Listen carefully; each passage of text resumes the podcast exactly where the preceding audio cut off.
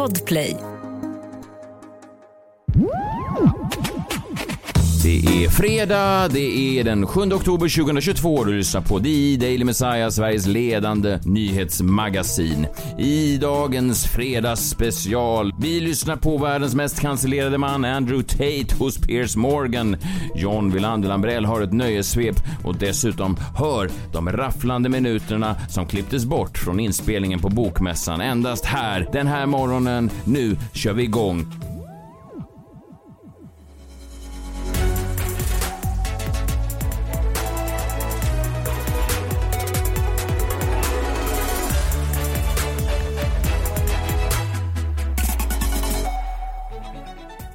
Glad fredag på er. Det är den 7 oktober 2022, Nobelprisvecka och eh, mycket riktigt eh, lite extra festlig i stämning här i, i studion i Stockholm. Det bissar ju du John för du är i Spanien, men det är, ja, det är ganska festligt här. Idag ska ni få höra, jag har äntligen lyckats få loss, köpa loss materialet ifrån Bokmässan i Göteborg. Det var två veckor sedan vi var där. Det var en ehm, eh, speciell upplevelse. Eh, jag såg att P3-klubben, en annan podcast som var där och, poddade, de döpte sitt poddavsnitt därifrån till På bokmässan kan ingen höra dig podda, vilket jag tyckte var en väldigt rolig titel. Det var en halvtimmes inspelning. Jag har liksom klippt ner det bästa av det mesta. Eh, eh det jag har klippt ner, det kan ni, ni kommer få höra det i slutet av avsnittet. Eh, det är alltså egentligen när jag tappade på eh, arrangörer, eh, på mediebolag, på publiken. Jag liksom, jag, min ilska då komprimerad till tre minuter. Jag tycker jag döljer det ganska väl. Vi kan lyssna på det sen. Mm. Din mick John, den hördes knappt. Klara hörde man. Men jag tänker våra spaningar så här, det var liksom inte, det som jag kunde ta med mig lite grann när jag försökte liksom ryta över. Man hör också hur mest folket bara går i bak. Det låter verkligen som vi spelar in det i ett köpcentrum, men det är eh, Ja, vi, vi återkommer till det, men det, ja, tre minuter i alla fall tycker jag som var som var någonting att behålla. Mm. Eh, Andrew Tate, världens mest eh, cancellade man, han har varit hos Piers Morgan. Jag har lyssnat mer på det i minuten. Dessutom följer vi upp succé formatet från förra veckan. Det här var ju, jag visste inte riktigt hur bra eh, det här formatet kunde bli med ett ljudmedium och sådär. Men veckans skylt, Klara, vilken succé det har blivit. Ja men visst har det det. Jag har ju fått otroligt många bidrag. Men eh, vill ni att jag ska köra den nu direkt eller? Jag vet inte om vi ska suga på den lite grann, ja, men jag vill liksom bara pegga upp för den. För jag, jag har sett skyltar lite överallt. Jag vet inte om det är direkt påverkat av dig, men det är som att många vill vara med i tävlingen liksom. Att många ja. skyltar känner sig malade och visar upp sig från sin bästa sida. ja, vad roligt. De kan vinna. Men de sträcker på sig liksom. Titta på mig. Ja, de får ju utnämningen ja. som veckans skylt. Det, bara det är ju stort. vad vinner man då egentligen? Nej, man vinner väl ingenting förutom äran. Både skylten och... Ja, man kanske ska köpa sån här liten rosett som man har i hundhoppning som man kan sätta på den här lilla skylten. Man får bragging rights gentemot andra skyltar. Det är faktiskt sant, så kan det vara. Och sen har vi en eh, jombola som handlar om vad idag? Ja, men det blir ett litet nöjesvep eh, från veckan faktiskt. Du och dina nöjesvep, de är spännande tycker jag. Man får det mesta av det bästa. Ja, men jag tänker att man behöver liksom inte läsa eh, nöjesnyheter utan jag komprimerar de här på bara några minuter så har man fått sin injektion av det innan helgen. Uh -huh. Det är ett otroligt fredagsavsnitt. Dessutom mattips från Mexiko. Nu kör vi igång den här fredagsspecialen. Och det gör vi med ingenting annat än någonting som har seglat upp som ett litet, ja, det är ett litet favoritsegment för mig. Jag kallar det för Minut de la Messiah.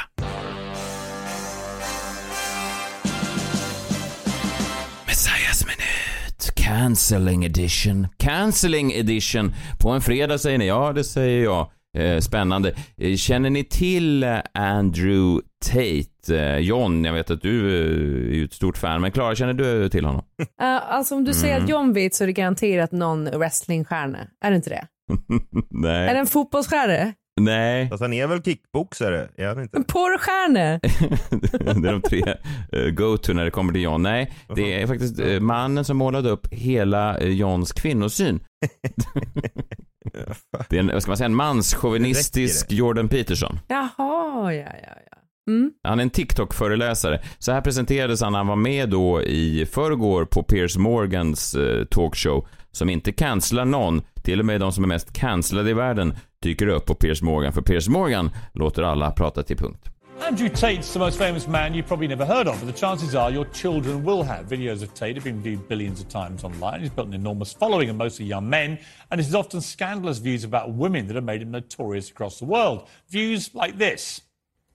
So I think my sister is my her husband's property. Yes. When a bride is walking down the aisle to marry the groom, the father walks next to her and gives her away. True or false?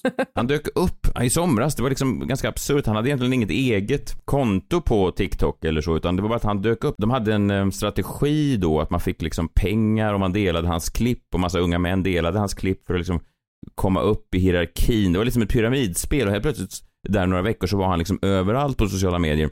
Olika intervjuer, klipp med honom där han eh, talade ut då om mycket då hur män ska bete sig. Det, det verkar vara en eh, aldrig sinande brunn.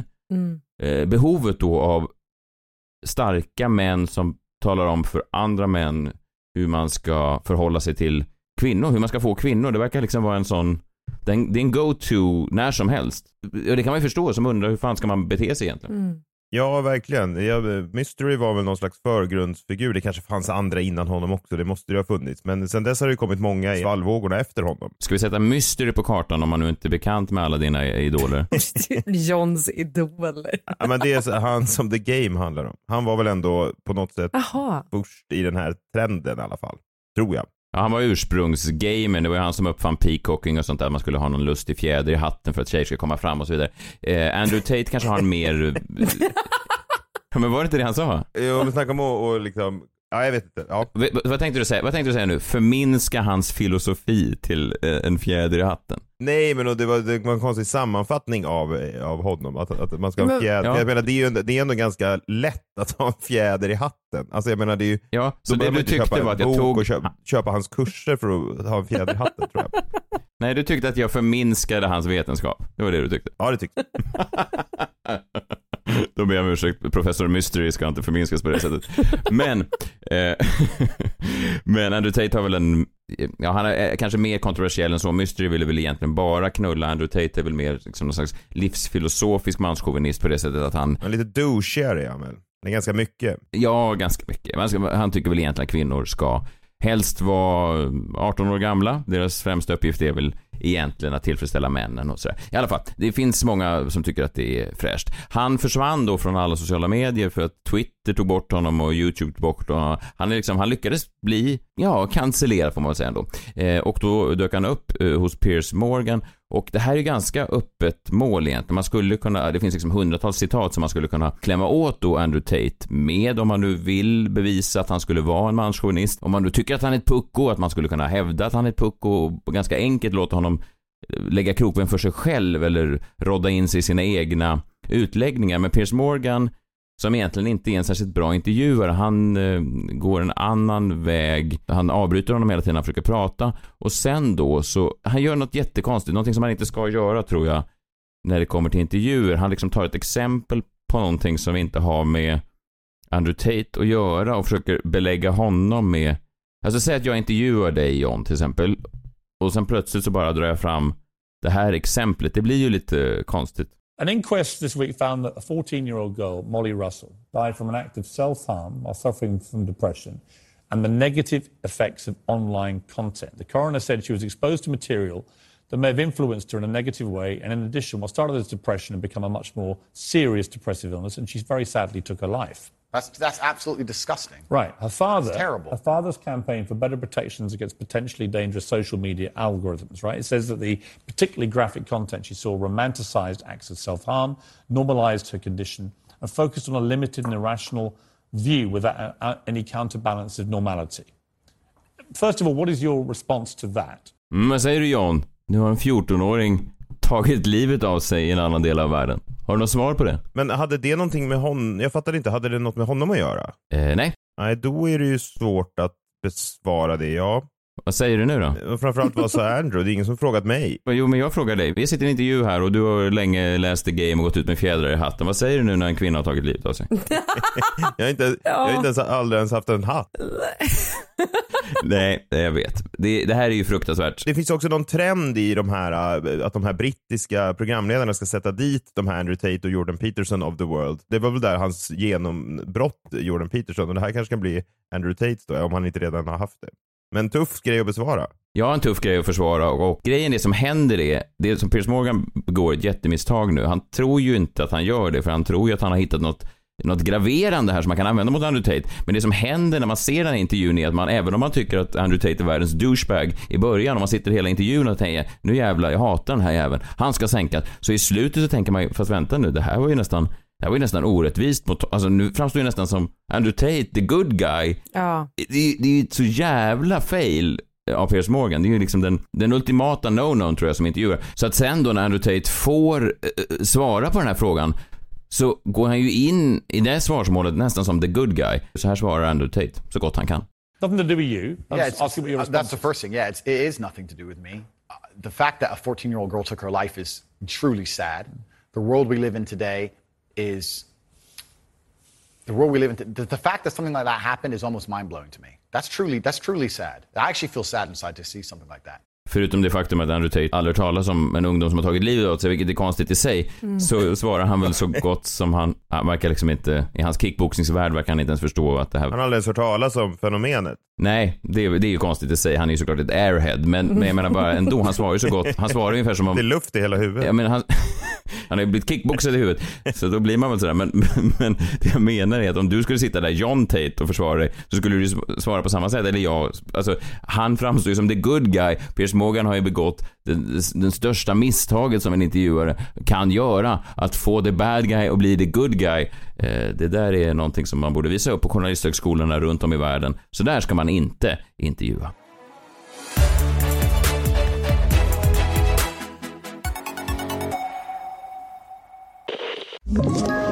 Ett poddtips från Podplay. I podden Något Kaiko garanterar östgötarna Brutti och jag, Davva, dig en stor dos skratt. Där följer jag pladask för köttätandet igen. Man är lite som en jävla vampyr. Man har fått lite blodsmak och då måste man ha mer. Udda spaningar, fängslande anekdoter och en och annan arg rant. Jag måste ha mitt kaffe på morgonen för annars är jag ingen trevlig människa. Då är du ingen trevlig människa, punkt. Något Kaiko, hör du på Podplay. Därför är gardinerna.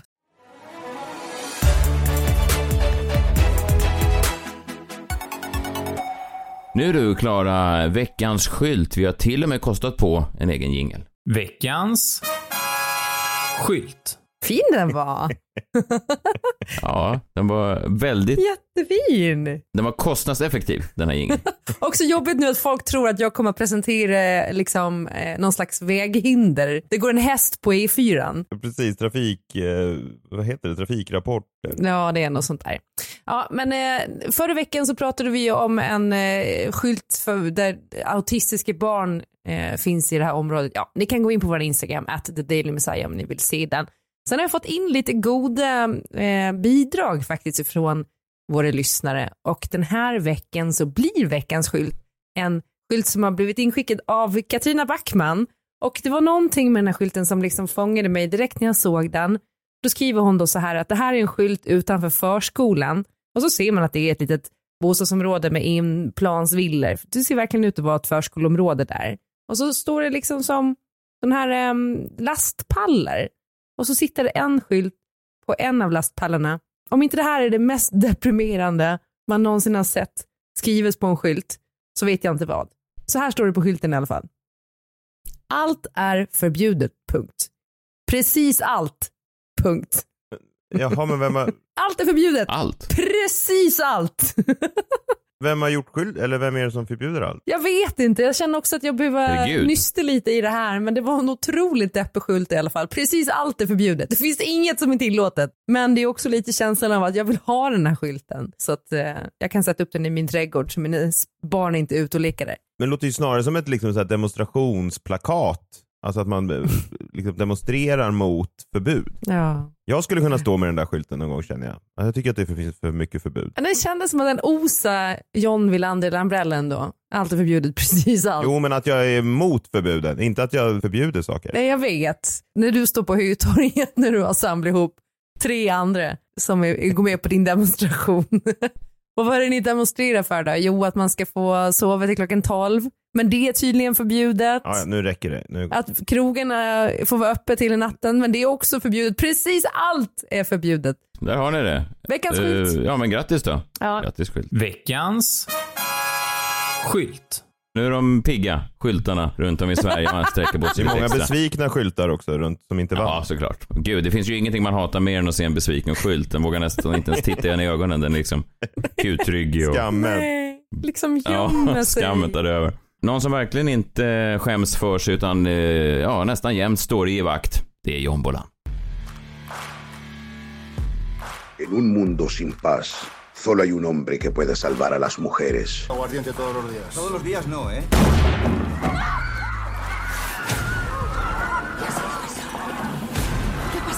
John Villander Lambrell es John Villander Lambrell. Le han pegado un tiro a ese y han dado toda la cabeza. Bienaventurados los muertos.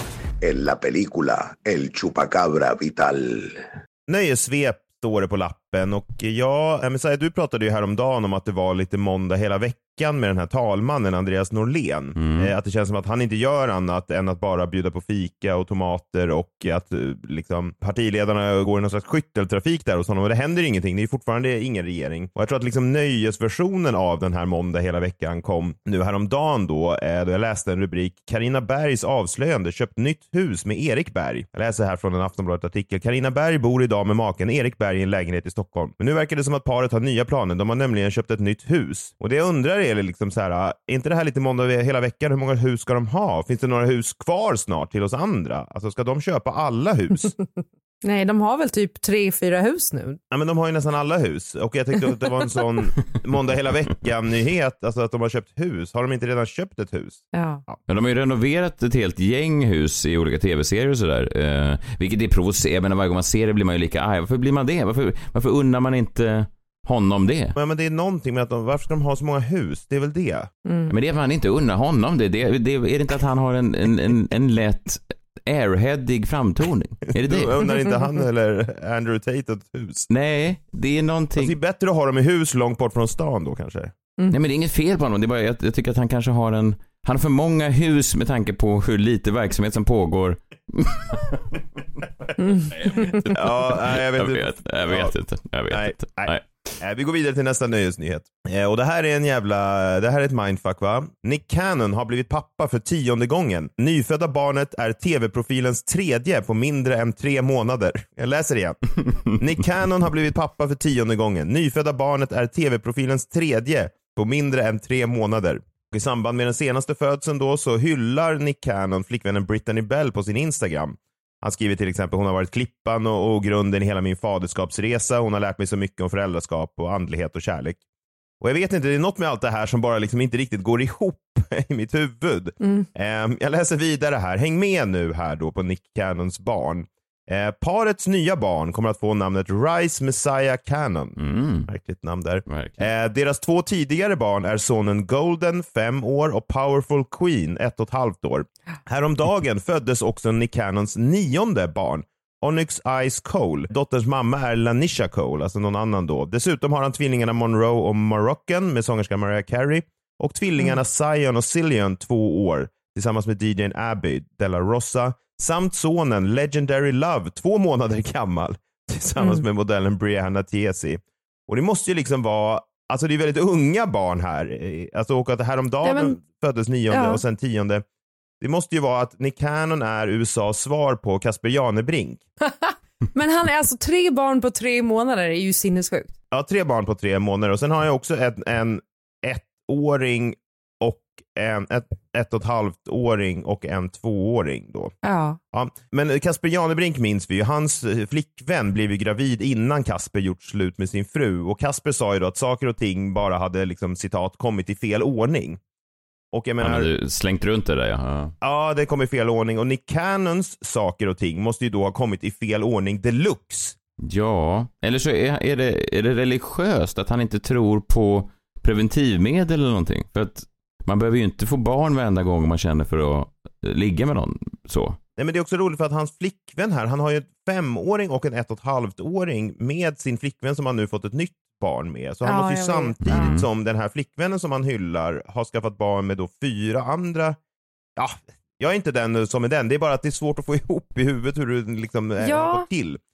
Alltså det, det, och han är ju liksom inte mormon heller. Alltså sån eh, fundamentalistisk mormon. För där får man väl ha många fruar samtidigt. Jag undrar om de bara har ett så väldigt öppet, eh, liksom, en öppen inställning till vad som är en relation. Klara, vet du vad? Det låter verkligen som att Nick Cannon och hans flickvänner har en öppen inställning till vad som är det. Det Ja. låter verkligen som att de har en... Nick Cannon har i alla Jag tror fall att det är en... Ja, det är, det är en ganska... Det är inte en konservativ inställning till ett förhållande Men- det, det, det får jag ge dig Klara. Jag Ja. tror att det är en öppen. Jag läste också någonstans att han hade, han hade sagt att eh, de behöver inte vara vänner med varandra eller tycka om varandra. Huvudsaken är att de är vänner med mig. Det är ju, jag tror att han håller dem separerade ändå, för annars hade det väl varit kaos. Ja, kanske tycker han att de har kommit i rätt ordning. Jag vet inte. Det kanske inte är samma som eh, Casper Janebrink. Vi går vidare i alla fall. Det här tyckte jag var uppfriskande. Hollywood-regissören Lasse Hallström eh, har en premiärfylld höst att se fram emot. Han är just nu aktuell som regissör med filmen Hilma. Ja, jag läser här. Redan i idéstadiet väcktes tanken om att göra filmen till ett gemensamt familjeprojekt och då sa Lasse då Eh, det var en väldigt bra idé för en familjefilm där min dotter spelar unga Hilma och Lena spelar den äldre, hans fru då. Han säger att det var givet att jag skulle ha med min dotter som fru i filmen, det var en förutsättning då. Och ja, men det här har man ju hört förut och jag har ju pratat om kändisbarn lite sådär. Att de, eh, ja, de är ofta med i sina föräldrars filmer där och ofta brukar de ju säga då att jag har gått på audition som alla andra. och så här. Men jag tyckte att det här, nästa citat var lite uppfriskande då. Eh, för då säger han, dotter, hans dotter då, Tora Hallström, så blir det tredje gången för henne. Hon medverkar i pappa Lasses filmer.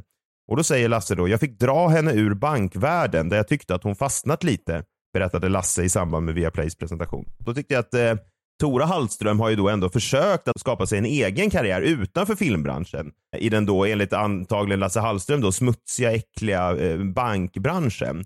Men jag menar, det är ju en bransch då som Lasse måste se ner på eftersom han försöker dra henne tillbaka till sin egen. Men jag tycker att Tora ska stå på sig, in i en annan bransch. Till sist då så skulle Åsa och Emilio Ingrosso äta ute häromdagen. Har ni hört om det här? Nej. Nej. Har ni hört om det här Ja. när Åsa och Emilia Ja men skulle det är äta klart ute? ni har, det var Eh, en nej. dum fråga. Det är klart. Nej. Nej, jag har inte hört om det här. Jo, det är klart. Och jag fattade inte riktigt det här. Ni kanske kan få hjälpa mig förstå.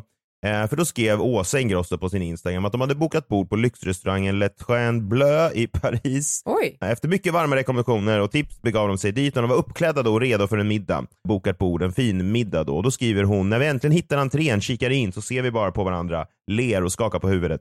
Vi är uppklädda, men stället är upptänt som att det vore dag. Där sitter folk som åkt tåg och som är mysklädda. De har släpat upp sina väskor upp för trappan så det är grejer överallt och även om stället har ett magiskt vackert tak och dekoration så var detta inte riktigt att vi tänkt oss. De vände på klacken och åkte till en annan restaurang. De avbokade bordet och bestämde sig för att äta på ett annat ställe. Men det var nästa grej som jag tyckte var lite konstig då för då skriver Åsa bland annat det var upptänt som att det var dagsljus och att Emilio har lätt att störa sig på sådant eftersom han under sin karriär jobbat med att ljussätta teatrar. Mhm. Ja, och jag, vad fan betyder det? Emilio kan inte äta på ljusa restauranger för att han en gång jobbat med att ljussätta teatrar. Vad fan betyder det?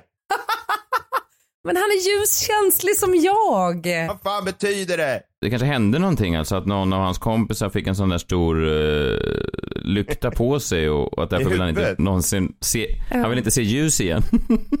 Fick Emilio kanske en sån i huvudet? Är det det som förklarar allt? Han kanske har skadat i sin syn. Nej jag vet inte, men jag, vet till exempel fladdermöss, de får ju panik när de ser ljus. Är det samma sak med Emilio Ingrosso, att det alltid måste vara nedsläckt och sen när Bianca någon gång tänder sin mobil så får han sådär. Det kanske är därför han har så svårt att hålla reda på alla sina barn, för att han, han kan inte ha ljuset tänt. Nej, och inte skärmen heller. Tänk att han är vår italienske fladdermus, Emilio Ingrosso. Men också Emilio Ingrosso jobbar väl inte med att ljussätta teatrar? Det är väl en lögn? Det gör han väl Men han har väl gjort det säkert? Det kan han ju ha gjort, Ja, det vet det, inte låter ju vi. inte helt, det låter ju helt sjukt. Ja, där sätter vi punkt för dig. Det känns som att han en gång gick in full på Dramaten för att pissa och att då ljuset slogs på och sen la han till sig sitt CV, tänder ljus på teatrar. Visst Emilio. Och sen dess kan han inte äta på restauranger med ljus i taket.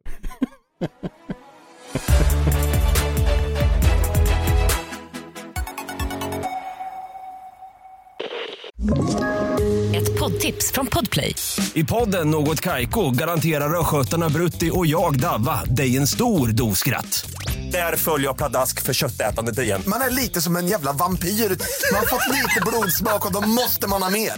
Udda spaningar, fängslande anekdoter och en och annan arg rant. Jag måste ha mitt kaffe på morgonen för annars är jag ingen trevlig människa. Då är du ingen trevlig människa, punkt. Något Kaiko, hör du på Podplay. Därför är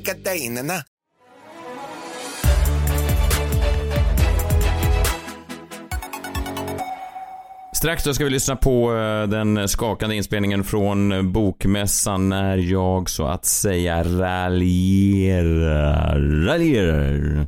Nej, jag raljerar. Eh, Men först höll på att glömma, förra veckan glömde, ni hörde inte det förra veckan, det var ju ganska, ja, ni sa hej då, ni hade bråttom kommer jag ihåg förra fredagen och så blev det, Vadå, du körde den ändå? jag blev sån jäkla miss liksom. Du glömde den ju. Ja, vi tänkte inte påminna Nej, jag dig. körde den. Jag, jag, lägger, jag kopplar inte ifrån vår sändning som vissa av er. Ni är väldigt snabba på hej då. Jag sitter kvar och ser till att allt, ja, strunt samma. Nu får ni höra den den här veckan istället. Det är så gott med tassos i alla dess smaker En miljon tassos och en miljon smaker Messiah testar alla tassos som finns, hej! Roligt, roligt, roligt. Mexikanska specialiteter som jag älskar. Speciellt då tacos, denna underbara rätt. Nötfärs, eh, lite kanske vetetortillas. Jag har alltid gillat vetetortillas. Jag vet att många mexikaner föredrar majstortillas. Mm. Men jag har alltid varit eh, väldigt förtjust i ja, strunt samma. Eh, idag har jag på mina tacos ingenting annat än schweiziska klyvbär. Oj! Det är så gott med tassos i alla dess smaker En miljon tassos Klybär och som är så gott. Vad är klybär för något? Messiah testar alla tassos som finns, hej! Klyvbär, denna schweiziska små, ser ut som smultron egentligen. Eh, men det är, ja, det är som en, det är, om man vill ha en liten söt sån där efterrättstassos så det är inget fel med det. Eh, Det finns många som, som älskar just de där lite. Men jag hittar ingenting på klyvbär. Det finns ingen som hittar Du klyvbär. Jo, du måste, det är schweiziskt Y. Nu ska vi gå över till... Eh, nu ska vi gå över till eh, Bokmässan i? Göteborg. Vad sa du? Var köpte du de Ja, här? jag har min, jag har min schweiziska kontakt Mark. Schweiziskt Y, det finns, det finns inte på tangentbordet. Inte Nej, vad synd. Då kan du omöjligt hitta dem. Men du får bara lita på att de finns och att de är smarriga små schweiziska smultron. Nu ska vi över till Bokmässan i Göteborg, inspelningen. Tre minuters rafflande eh, dramatik när vi kommer dit. Och vi hör då att eh, ingenting hörs. Vi hör inte varandra. Eh, publiken hör inte oss. Ingen hör varandra. Det är ett enda jävla... Det är som att stå och skrika ut i... Ja, i rymden kan ingen höra dig skrika. Eller som Peter Klubben döpte sitt poddavsnitt till. Eh, på Bokmässan kan ingen höra dig podda. Här kommer de tre skakande minuter från Bokmässan i Göteborg 2022. Vi hörs efter helgen, vi hörs på måndag igen, då är vi tillbaka. Nu eh, över till eh, bokmässegolvet där rulltrapporna är i full gång. Eh, ta hand om er, hej hej. Hej! Hej! Hallå, hallå, hej jäklar, bra. Hej, kul att se er. Jag ber om ursäkt att vi uppträder i ett köpcentrum, men så är livet. Det är inte alla som är som Alex Schulman som får egna rum. Ibland måste man skrika i rum där det är rulltrappor som är aktiva. Kul att ni har samlats i alla fall. Eh, Vi gör det här så gott vi kan. Och sen pratar vi aldrig mer om det, eller hur? Ni är, ni är ändå antagligen fulla ändå, så vi kommer inte komma ihåg det här imorgon ändå. Okej, låt oss trycka på play. Det här är The Daily Messiah, en daglig nyhetspodd eh, med mig, Messiah Hallberg. Klara Doktorov. John Melander Lambrell. Det är kul, vi hör nästan varandra. Ja, Och vi Men hör det folk. Det är roligt, det är roligt att vara här på Bokmässan. Eh, Jag har ju alltid, eh, för er som inte känner mig, jag, är, eh, jag heter Messiah Hallberg och jag är, är väl det här landets främsta ståuppkomiker. Men det, det, var, det var liksom en sekundär plan för mig, det var ett misslyckande. Jag misslyckades egentligen med att bli författare. Jag ville egentligen vara författare. Och jag hade alltid fantiserat om att komma hit till Bokmässan, ni vet, som en, som en stor hjälte, som en hemvändande hjälte och liksom ta över det här och sitta affischerad överallt. Det var inte det här jag drömde om, att stå i någon sån rulltrappshall. Eh. Nej, men kul att vara här. Ja, det här är kul också. Ja. Men jag, bara, det, jag, jag, jag tror att det är en lärdom för folk generellt sett. Man ska inte, man ska inte förvänta sig för mycket av livet. Nej, det är nog bra. Deprimerande. Nej, men inte deprimerande. Jag, bara, jag tror bara man ska inte förvänta sig för mycket för då blir man besviken. Det här är precis det jag förtjänar. Det kände jag när jag gick upp i morse. Det här är precis det jag förtjänar. Människor som har klätt upp sig, men inte för mycket längst fram och så vidare. Det är fint. Det, Nej, de är fina. De är jättefina. De är jättefina. Jag såg statistik som släpptes idag att det var chockerande. Litteraturvärlden var, eller Litteratursverige var då i uppror. De sa att eh, var tionde svensk har inte ens läst en bok i år. Och jag, jag vet inte ens vad det betyder. Vad fan, varannan människa på den här scenen har ju inte läst en bok i år. Det, är- det, det, det, är liksom, det är en chansering av hela branschen. Det är därför de bjuder hit folk som oss. Liksom ungdomar i 40-årsåldern som de tänker ska kunna locka in yngre folk som inte orkar läsa en bok. Det är, liksom, det är någon slags jag är Zlatan i, i podd, poddversion. Får man göra en liten passus att det är väldigt många störiga journalister här också?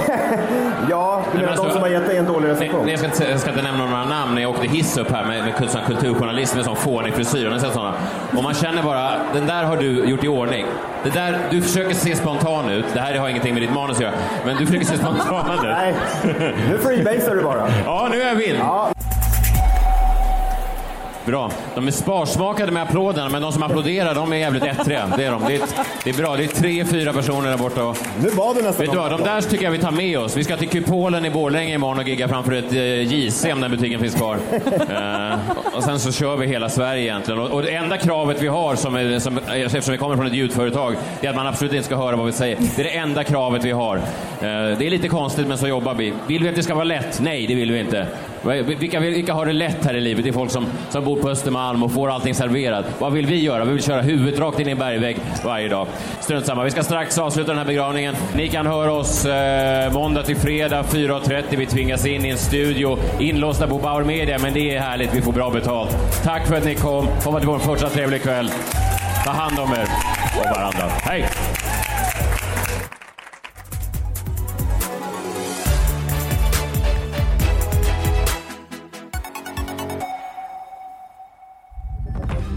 Podplay, en del av Power Media.